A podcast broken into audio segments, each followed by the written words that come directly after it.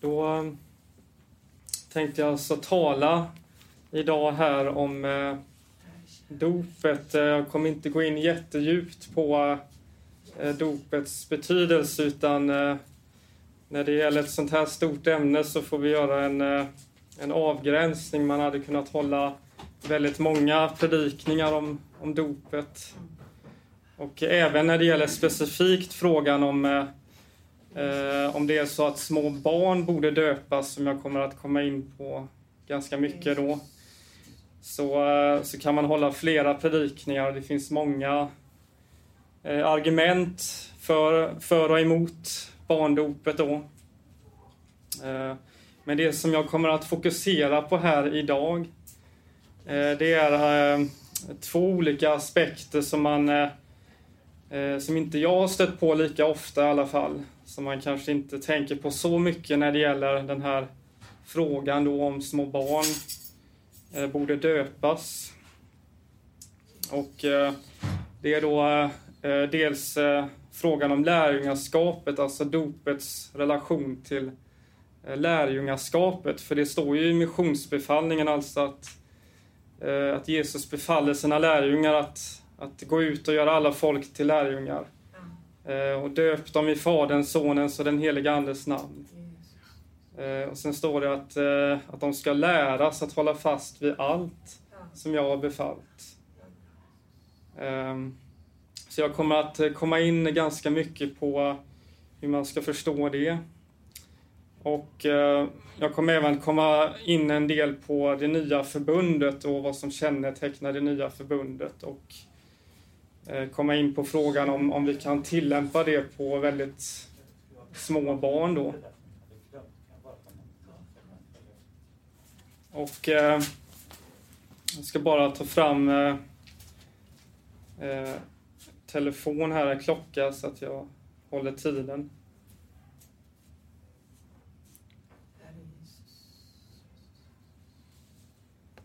Eh, så.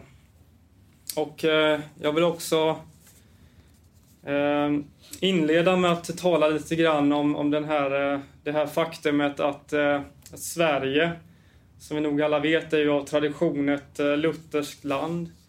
Det betyder alltså att, att det är väldigt påverkat, påverkat utav Luther, den protestantiska reformatorn Luther och han, han gjorde många bra saker. Alltså han han stod upp för sanningen när det gällde många saker. Eh, I synnerhet under eh, de första åren utav hans eh, reformatoriska gärning då.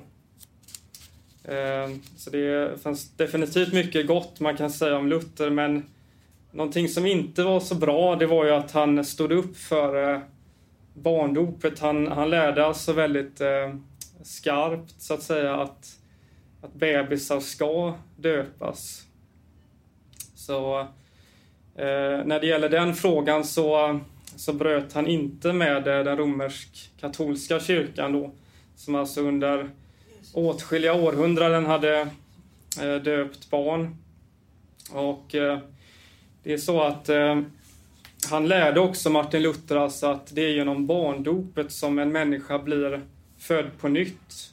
Som en människa alltså blir frälst. Som en människa blir eh, får sina synder förlåtna och eh, blir uppfylld av den helige Ande. Ehm, och det, det kan man läsa bland annat på, på flera ställen i till exempel Luthers stora katekes. Och han skrev så här på ett ställe eh, om sitt eget dop, alltså den trygghet han hade i det faktum att han själv hade blivit döpt som bebis. Så han lät ju aldrig döpa sig som som vuxen alltså, utan han talar om sitt barndop här. Och så skriver han Jag är likväl döpt, och är jag döpt så har jag den försäkran att jag ska bliva salig och undfå det eviga livet, både till kropp och själ. Och eh, på ett annat ställe så skrev alltså Luther till, eh, när han argumenterade för barndopet Eh, på samma sätt gör vi nu också i fråga om barndopet. Barnet bär vi fram i den tanken och förhoppningen att de tror och bedja att Gud måtte förläna det tro. Men det är icke därför vi döpa det, utan blott och bart, eh, blott och bart i medan Gud har befallt det. Okej, okay. läste vi rätt här? Han skriver alltså att Gud har befallt att vi ska döpa eh, små barn, alltså bebisar.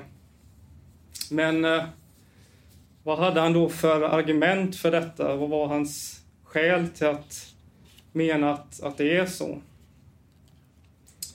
Eh, alltså om man, om man läser hans skrifter, jag har inte läst igenom allting han har skrivit, men eh, en del och eh, om man läser hans argument så kan man inte se några tydliga stöd ifrån eh, läran från själva Bibeln. Alltså han hävdade ju att, att vi ska hålla oss till sola scriptura.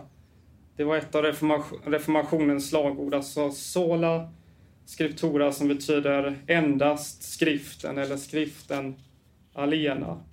Alltså det är bara Bibeln då som ska vara rättesnöret för den kristnes, den, eh, den kristnes troliv och för hela den kristna kyrkans tro och liv. Och eh, jag är ju en, en, en stark förespråkare då utav sola scriptura.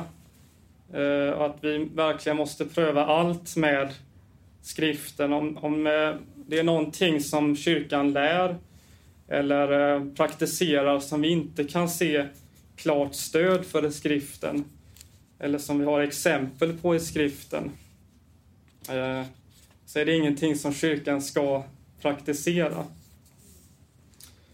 Och eh, den här, den här läran är också väldigt farlig för att det är så att Martin Luther eh, har haft väldigt stort inflytande i det här landet. Eh, Martin Luthers läror och tankar. Och eh, så vitt jag vet så är det så att eh, det dröjde alltså ända till 1800 48 innan vi har belägg för de första kända dopen utav eh, troende då.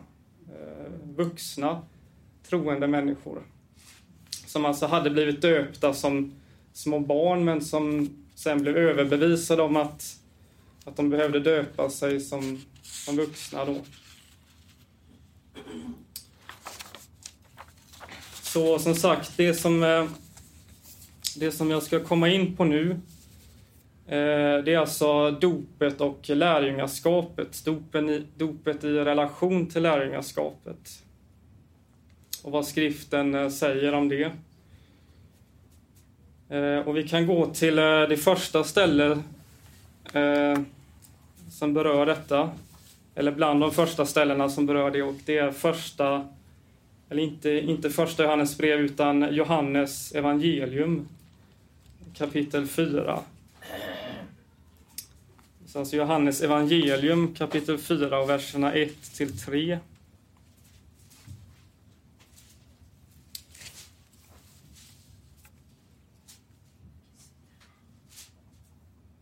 står det, då nu, då nu Herren visste att fariseerna hade hört att Jesus vann fler lärjungar och döpte fler än Johannes. Men det var inte Jesus själv utan hans lärjungar som döpte. Lämnade han Judeen och gick tillbaka till Galileen. Ja, så eh, vi ser här alltså att det var i samband med att människor blev lärjungar då som de blev eh, döpta alltså. Eh, som Jesus lät dem bli döpta genom sina lärjungar. Och har då Jesus ändrat eh, sin syn när det gäller den här saken från eh, den här tidpunkten som var alltså i början utav Jesu tjänst, offentliga tjänst. Det var lite efter att han själv hade låtit döpa sig av Johannes döparen då i floden Jordan. Och ändrade Jesus eh, eh, den här praxisen, alltså att bara döpa dem som, som valde att bli hans lärjungar. Efter att han hade lidit döden på korset och uppstått från de döda. Och gav den här befallningen till sina lärjungar att predika evangeliet för hela skapelsen då. Det står alltså i Markus kapitel 16 och eh, vers 15 15 och 16. Eh, Jesus befaller där alltså efter sin uppståndelse. Gå ut i hela världen och predika evangelium för hela skapelsen.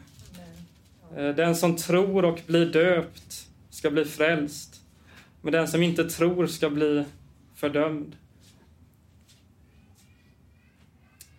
Och eh, om vi jämför det här med vissa andra saker som Jesus befallde, alltså i samband med att han sände ut sina lärjungar för att de skulle predika evangeliet för hela skapelsen, eh, så står det så här också i slutet av eh, Lukas, Lukas kapitel 24 och vers 46 till 47. Så står det skrivet och därför var det nödvändigt att Kristus skulle lida och på tredje dagen uppstå från de döda. Och att omvändelse och syndernas förlåtelse ska predikas i hans namn för alla folk med början i Jerusalem.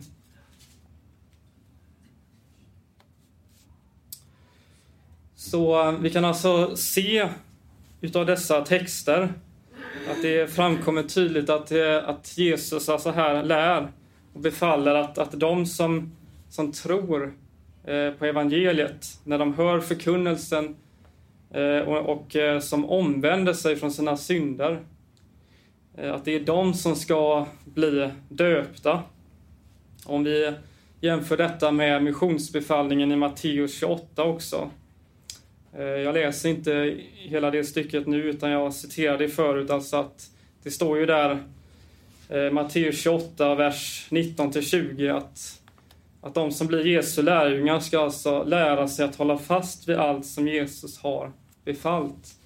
Det, det förutsätter naturligtvis att de har förmåga att lyssna till och förstå eh, vad det innebär att följa Jesus, att bli hans lärjunge och eh, förstå och ta till sig hans undervisning eh, som vi har i synnerhet i de fyra evangelierna.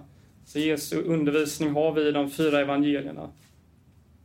Och det är denna undervisning som de som Eh, tror på Jesus och följer honom är kallade att lära sig att hålla fast vid. Ehm, och eh, en annan viktig aspekt av detta för att förstå om det verkligen är så att små barn borde bli döpta eh, och alltså bli lärjungar till Jesus. Att om de kan bli lärjungar till Jesus. Det är alltså ett ställe, jag läser ett ställe i Lukas då. Tar jag bara Lukas kapitel 14 och eh, verserna eh, 25 till 30 samt vers 33. Så Lukas 14, 25-30 och 33. Eh, där står det så här. Och mycket folk följde med honom. Och han vände sig om. Alltså det är Jesus som talar såklart. Och han vände sig om och sa till dem. Om någon kommer till mig och inte hatar sin far och mor och hustru och barn och bröder och systrar och dessutom sitt eget liv kan han inte vara min lärjunge. Och den som inte bär sitt kors och följer mig kan inte vara min lärjunge. För vem av er som vill bygga ett torn sätter sig inte först ner och beräknar kostnaden om han har tillräck tillräckligt för att fullborda det. Annars ska alla som får se det börja håna honom för att han har lagt grunden men sedan inte kan fullborda det. Och säga, den mannen har börjat bygga men kunde inte fullborda det. På samma sätt är det med var och en av er. Den som inte avstår från allt det han äger kan inte vara min lärjunge. Vi ska alltså komma ihåg att, eh, att eh, att tro på Jesus och följa honom, det, det handlar inte bara om att få en biljett till himlen så att säga, utan Jesus befallde ju i missionsbefallningen att, att eh, alla folk ska göras till hans lärjungar. Alltså alla som kommer till tro på honom och eh, blir födda på nytt utav Gud. De är kallade att också följa honom. vara hans eh, lärjungar i sina liv. Och eh, här har vi alltså att, här ser vi också att Jesus vänder sig till eh, hela folket. Alltså alla de personer som, som var lockade utav honom. Attraherade av honom på grund av alla under och kraftgärningar som han gjorde. Eh, att de, de var intresserade av, av honom. Men då ger han alltså denna förklaring eh, som jag nyss har läst då om eh, vad det kostar att följa Jesus. Alltså det, det kan kosta oss vårt eh, liv alltså. Eh, till följd av eh, förföljelse. På grund av att många människor förkastar evangeliet. De vill inte ha med ljuset att göra utan de vill leva kvar i sina onda gärningar och synder och de, de hatar mörkret som det står.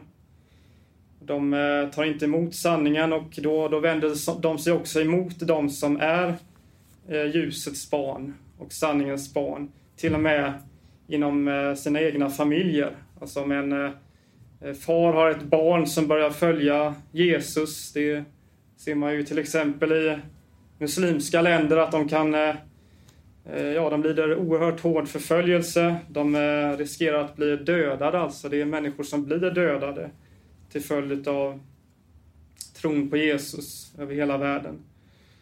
Eh, men kan vi då tillämpa det här på, på små barn alltså? Kan små barn förstå vad det innebär att beräkna kostnaden, vad det kan komma att kosta dem att följa Jesus? Att de kan behöva lida döden till och med. Och bli, bli hånade och utstötta av andra människor. Och eh, kan, kan de inse vad det innebär att eh, avstå från allt de har? Eh, alltså det, det, kan gälla allt som, som kan hindra oss från att följa Jesus. Om det är kärlek till pengar eller girighet eller eh, stolthet eh, högmod, eh, egenrättfärdighet som fariseerna hade. De menade att de kunde förtjäna Guds nåd och frälsning genom sina gärningar. Så kan vi då tillämpa de här sakerna på små barn? Nej, det, det är faktiskt så att det som skriften säger, det som Bibeln säger, det är att små barn inte ens har någon kunskap om skillnaden mellan gott och ont. Eller höger och vänster. Eh, det innebär alltså, det står till exempel i eh, femte Moseboken. Det är en av de klaraste ställena då. Femte Moseboken kapitel 1 och vers 39. Eh, nu använder jag här en gammal översättning då, eh, 1917. Så står det, och edra barn om vilka i saden att de skulle bliva fiendens byte och edra söner som ännu icke förstår vare sig gott eller ont. De skola komma dit in, och de ska jag giva landet, och de skola taga det i besittning. Okej, okay, så här är det alltså Gud själv som talar och kontexten här det är alltså att Gud har fört sitt folk, Israels folk, ut ur slaveriet i Egypten. Och eh, han har eh, lovat att ge dem Kanans land. Och eh, de har, eh, det är alltså efter att han har gett sin lag till dem på Sinai berg. Och lite efter det så, så når de fram till gränsen till Kanans land och de sänder ju in tolv stycken spejare en från varje stam i Israel. Och eh, när de här spejarna kommer tillbaka så, så är det tio utav dem som eh, eh, ingjuter otro och missmod i folket.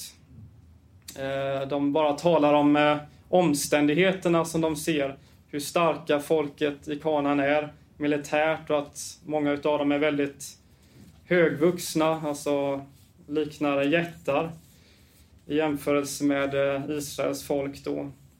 Så säger de en massa saker som gör att de blir modlösa och eh, eh, brister i tro då.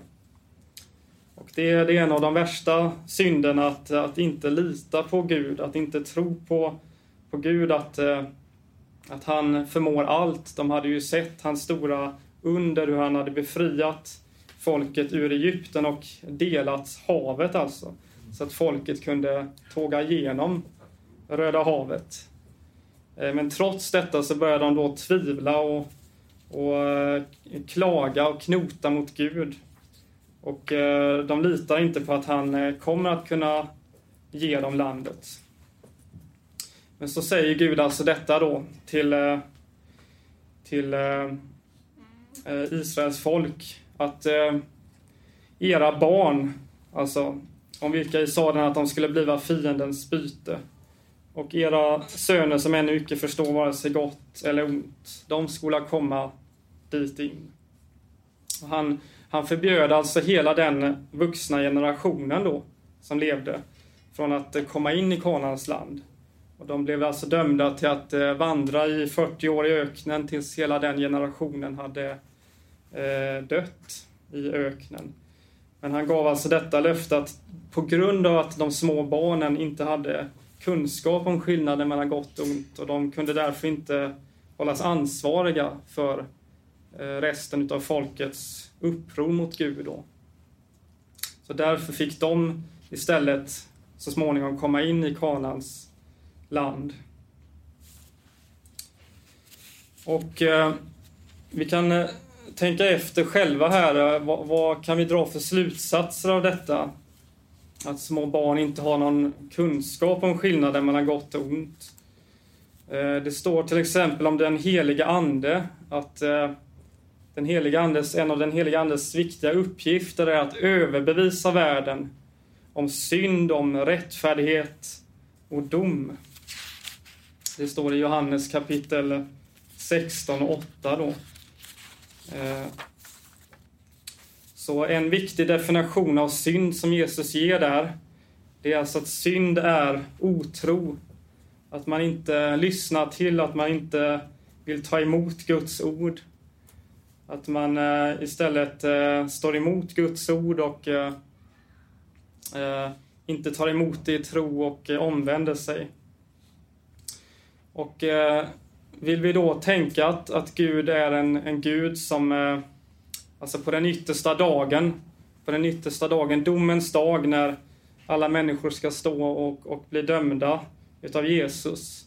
Tror vi att eh, Jesus kommer att fördöma små barn, alltså som, som dött som små barn, personer som dött då? Kommer han att fördöma små barn alltså? Eh, och, och, döma dem till eh, evigt straff? Eh, nej, jag, jag tror inte det. För vad, vad är det som Jesus säger eh, om domens dag? Han säger i Johannes kapitel 12 och 48 att eh, den som förkastar mig och inte tar emot mina ord, eh, han har en som dömer honom. Det ord som jag har talat ska döma honom på den yttersta dagen. Så här uppenbarar alltså Jesus hur det kommer gå till på domens dag. Det är alltså de som som inte har trott evangeliet, evangeliet, de som inte har tagit emot Herren Jesus eh, och inte tagit emot hans ord, det är alltså de som kommer att bli dömda på den yttersta dagen. Men eh, små barn som inte har någon kunskap om skillnad mellan, skillnaden mellan ont och gott, de kan vare sig bli överbevisade om synd eller inse sitt behov av eh, frälsning genom Jesus Kristus och de kan inte ta emot eh, evangeliet. Och eh, det framkommer på andra ställen också att, att det är de som vägrar att tro, alltså medvetet vägrar att tro och omvända sig, som kommer att bli fördömda. Det står till exempel också i eh, Matteus 12 och 41, så säger Jesus att eh, män från Nineve eh, ska stå upp vid domen tillsammans med denna generation och fördöma den.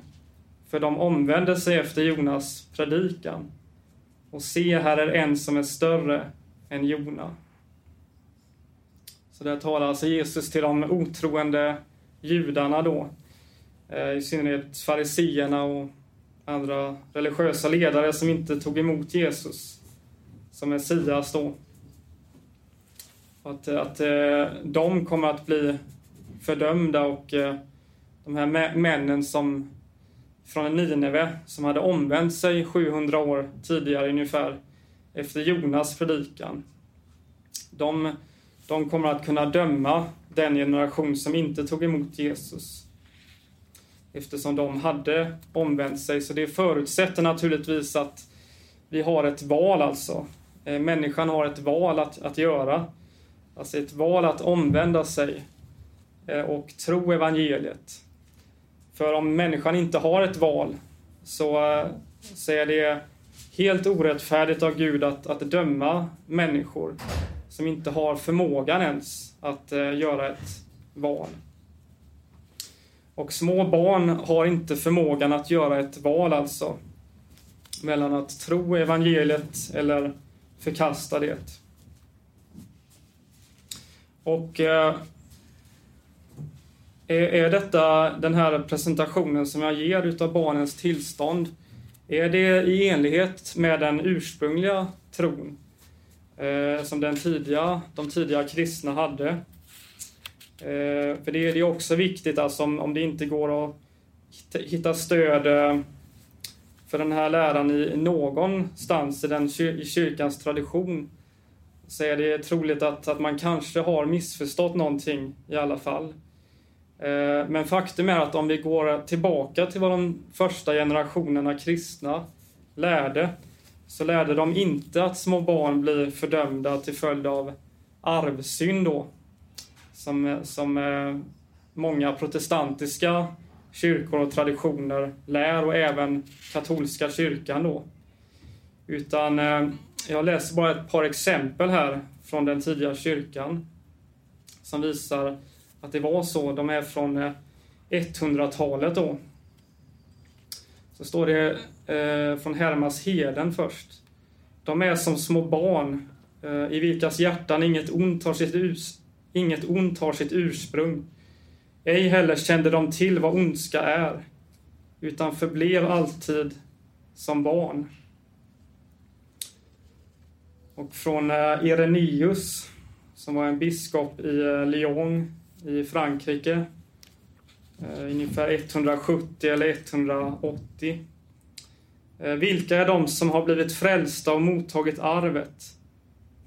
Eh, och här är det intressant för han talar faktiskt om den här texten som jag refererade till då. Eh, I eh, fjärde Moseboken.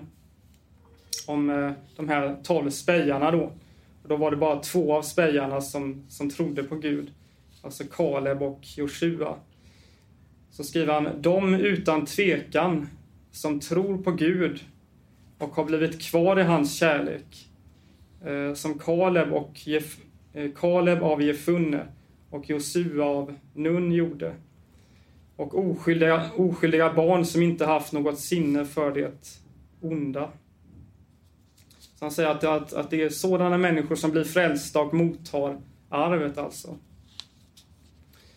Och eh, sista citat här då från eh, Tertullianus som skrev ungefär år 200. Låt barnen komma medan de växer upp Låt dem komma medan de lär sig. Så här talar han alltså om dopet, han skriver om dopet och när de borde döpas. Låt dem komma medan de lär sig, medan de lär sig vart de ska komma. Låt dem bli kristna då de har blivit kapabla att känna Kristus. Varför skynda sig livets oskyldiga period till syndernas förlåtelse? Ja.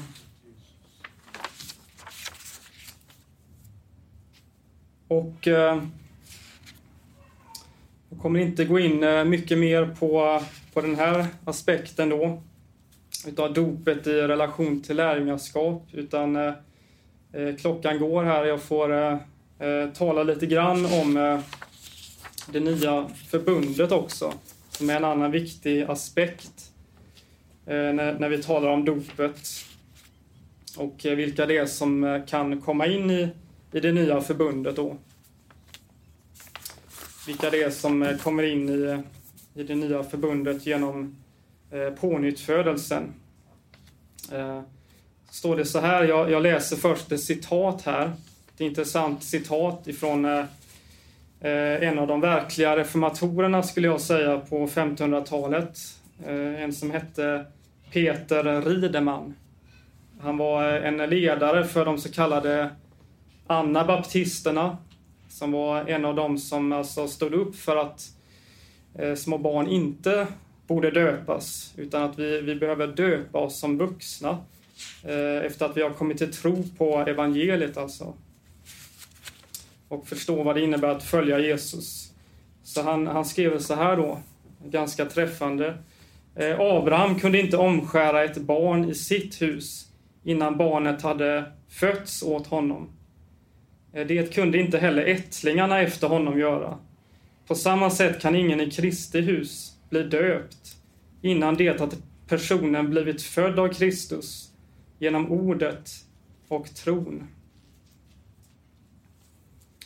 Så eh, här talar han alltså om skillnaden då mellan det gamla och det nya förbundet. Alltså i det gamla förbundet så kunde man eh, bli en del av Guds folk, alltså Israels folk, genom födseln.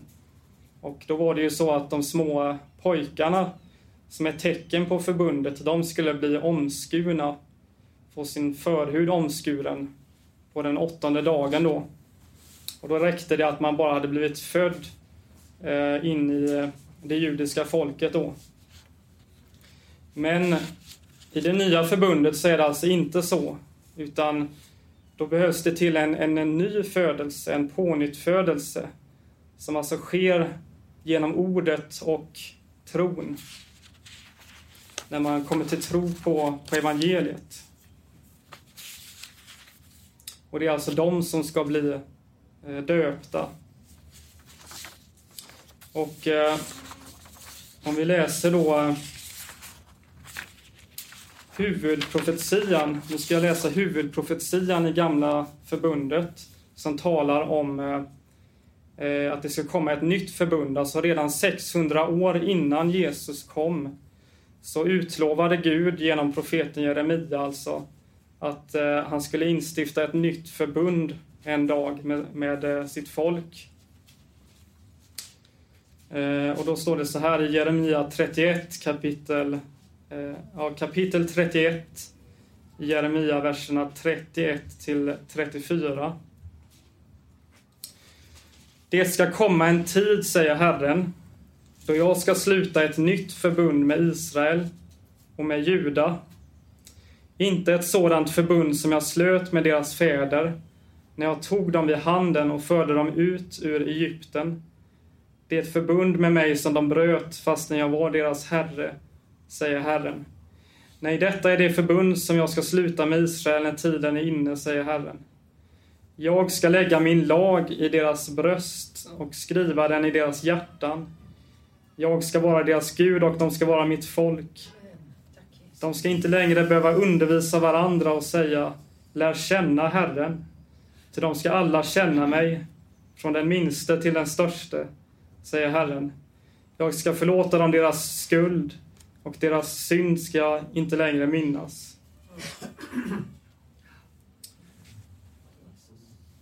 Okej, okay. så eh, detta är en väldigt intressant profetia och jag ska bara försöka lyfta fram de saker vi kan eh, lära oss när det gäller det här ämnet eh, som vi talar om. Så det, det, står alltså här för det första att, att jag ska förlåta dem deras skuld, läste vi i slutet här. Och deras synd ska inte längre minnas. Eh, och en, en förutsättning för att kunna inse att man är i behov av att få sina synder förlåtna genom Jesus Kristus, genom hans utgjutna blod som vi vet av det nya förbundet att det är endast genom Jesu blod som man kan bli renad från alla sina synder. Eh, det är alltså att man kan bli, som vi var inne tidigare, man behöver bli överbevisad om synd. Man behöver få ett eh, ont samvete som det också talas om i skriften. Man behöver komma till insikt om eh, eh, vad man måste vända om ifrån. Och det förutsätter att man har eh, eh erfarenhet av att leva i synd på olika sätt. Och det står i eh, ett, en viktig sak i eh, eh Romarbrevet kapitel 7. För där talas det faktiskt om att, eh, att eh, synden väcks till liv. Alltså, jag tror att människor blir, föds med en syndig natur så att säga, men eh, det innebär alltså inte att eh, den här syndiga naturen automatiskt eh, fördömer oss, utan man blir alltså fördömd genom sina personliga eh, synder. Eh, och det står i eh, Romarbrevet, alltså kapitel 7. Från vers 7. Eh, vad ska vi då säga är lagens synd? Nej, inte alls. Men synden skulle jag inte ha känt till eh, om inte genom lagen. För jag hade inte vetat vad begäret var om inte lagen hade sagt Du ska inte ha begär. Men synden grep tillfället och väckte genom budordet alla slags begär i mig. För utan lag är synden död. Så här måste det vara så att Paulus talar om ett, ett tillstånd när han började komma till insikt om eh, vad som är skillnaden mellan gott och ont. Och han fick alltså kännedom om, om lagen och vad lagens krav är. Till exempel att vi ska inte ens ha begär. Vi ska inte ha begär till någonting som tillhör en annan människa. Vi ska inte ha begär till någon annans hustru eller någon kvinna som, inte, som vi inte är gifta med. Och eh, man ska inte ha begär till någon annans bil eller någon annans eh, kläder eller någonting annat. Och om, om man eh, bryter mot detta, om man har begär till, till eh, någon annans egendomar och är avundsjuk och så vidare, så har man redan syndat. Och man eh, står under eh, lagens förbannelse. Lagen säger att var och en som inte håller fast vid allt som är skrivet i lagens bok och gör därefter är under förbannelse. Så människan kan inte bli rättfärdiggjord inför Gud genom att försöka hålla lagen. Alltså Mose lag, för det räcker att vi har begär till någonting som tillhör en annan. Så har vi alltså redan brutit mot lagen. Utan alla människor som, eh, som det står här, som får kännedom om lagen, eh, som börjar förstå skillnaden mellan gott och ont och eh, när synden väcks till liv genom de här begären, själviska begären, då, då börjar vi begå personliga synder. Och vi är, också då i behov av att komma till omvändelse och eh, sätta vår tilltro till Jesus Kristus, att Jesus Kristus och hans blod kan rena oss från all synd. Vi behöver ta emot evangeliet. Eh, men som sagt, de små barnen har inte någon kunskap om skillnaden mellan gott och ont. Och synden har heller inte väckts eh, till liv i dem, som det talas om här. Och eh, för vad är det som eh, Bibeln säger om dopet? Om vi går ett kapitel eh, innan då, alltså i kapitel 6 i Romarbrevet, eh, så uttrycks det väldigt klart och tydligt vad, vad dopet innebär. Romarbrevet 6, verserna 3 till 6. Eller vet ni inte att alla vi som blev döpta till Jesus Kristus, vi blev döpta till hans död. Vi är alltså begravda med honom eh, genom dopet till döden för att så som Kristus blev uppväckt från de döda genom Faderns härlighet, så ska också vi vandra i ett nytt liv. För om vi har blivit förenade med honom i en lika död, så ska vi också vara det i en lika uppståndelse. Vi vet ju att vår gamla människa är korsfäst med honom, för att syndens kropp ska bli tillintetgjord, så att vi inte längre ska tjäna synden. Så notera vad vad han skriver där i sista meningen, så att vi inte längre ska tjäna synden. Alltså han talar om ett före och ett efter här. Så det fanns ett, eh, ett liv före dopet och det finns ett liv efter dopet. Och han talar om att livet före dopet Eh, det kännetecknas av alltså att man tjänar synden. Medan eh, Jesus säger att var och en som gör synd är syndens slav. Och Det står också att eh, definitionen i Bibeln utav synd, en viktig definition av synd är att synd är brott mot lagen. Det står alltså i första Johannes brev 3 och 4. Eh, så om, om vi förstår vad synd är, alltså synd är inte en, en, en, eh, natur i sig själv, alltså det är inte så att eh, synden är en substans, eh, precis som eh, vårt kött är en substans. utan synden är brott mot lagen. Att man bryter mot Guds bud. Och man börjar alltså inte bryta mot Guds bud förrän man inser skillnaden mellan gott och ont och man får begär till det onda.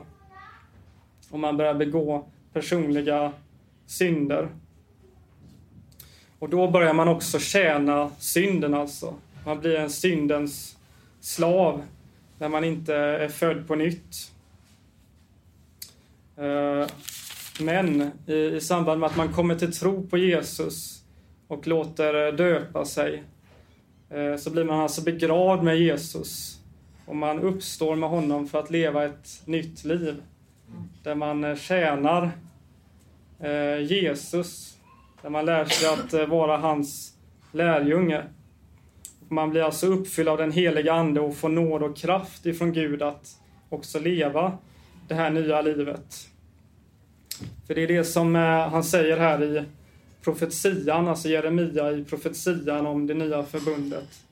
Han skriver också där att, eh, att Gud säger här att eh, detta är det förbund jag ska sluta med Israel när tiden är inne, säger Herren. Jag ska lägga min lag i deras bröst och skriva den i deras hjärtan. Jag ska vara deras Gud och de ska vara mitt folk. De ska inte längre behöva undervisa varandra och säga Lär känna Herren, till de ska alla känna mig, från den minste till den störste. Eh, så i samband med det nya förbundet så får man alltså en personlig relation. Att man kommer in i det nya förbundet så får man alltså en personlig relation med Jesus. Eh, med Gud själv genom Jesus Kristus. Eh, och detta är alltså ingenting man man kan få när man är ett litet barn. Alltså om vi tänker oss en liten bebis som, som inte förstår att den behöver någonting annat mer än såklart mat och eh, skötsel. Och eh, jag ser här att jag, jag, jag får avsluta eh, predikan här. Jag avslutar med ett eh, med en appell här helt enkelt. Eh, eh en appell, eller en, eh, en appell att låta döpa er. Alltså om, om du inte har blivit döpt än som, som vuxen. Du kanske har trott att eh, barndopet eh, är riktigt, att det, att det gäller. Men eh, jag kan försäkra att, att det finns inte något bevis eller stöd för barndop om man verkligen bara läser i Nya Testamentet och vill hålla sig till Nya Testamentet. Så om du inte har låtit döpa dig ännu så vill jag uppmana dig att, eh, att eh, ta steget precis som eh, vår broder här, Göran, talade om. Om det är någonting som hindrar dig så låt inte det stå i vägen utan följ Jesu befallning. Alltså, han säger att du ska låta döpa dig på din egen bekännelse om tro. Och då har du löftet att få den heliga Ande som, som gåva. Och bli, bli en ny skapelse i Kristus. Så det, det är alltså endast genom eh, tron och eh, dopet vi har löfte, de här underbara löftena om att eh, ha den heliga Ande som gåva och eh, leva ett, eh, ett liv i eh, lärjungaskap till Jesus. Amen. Amen.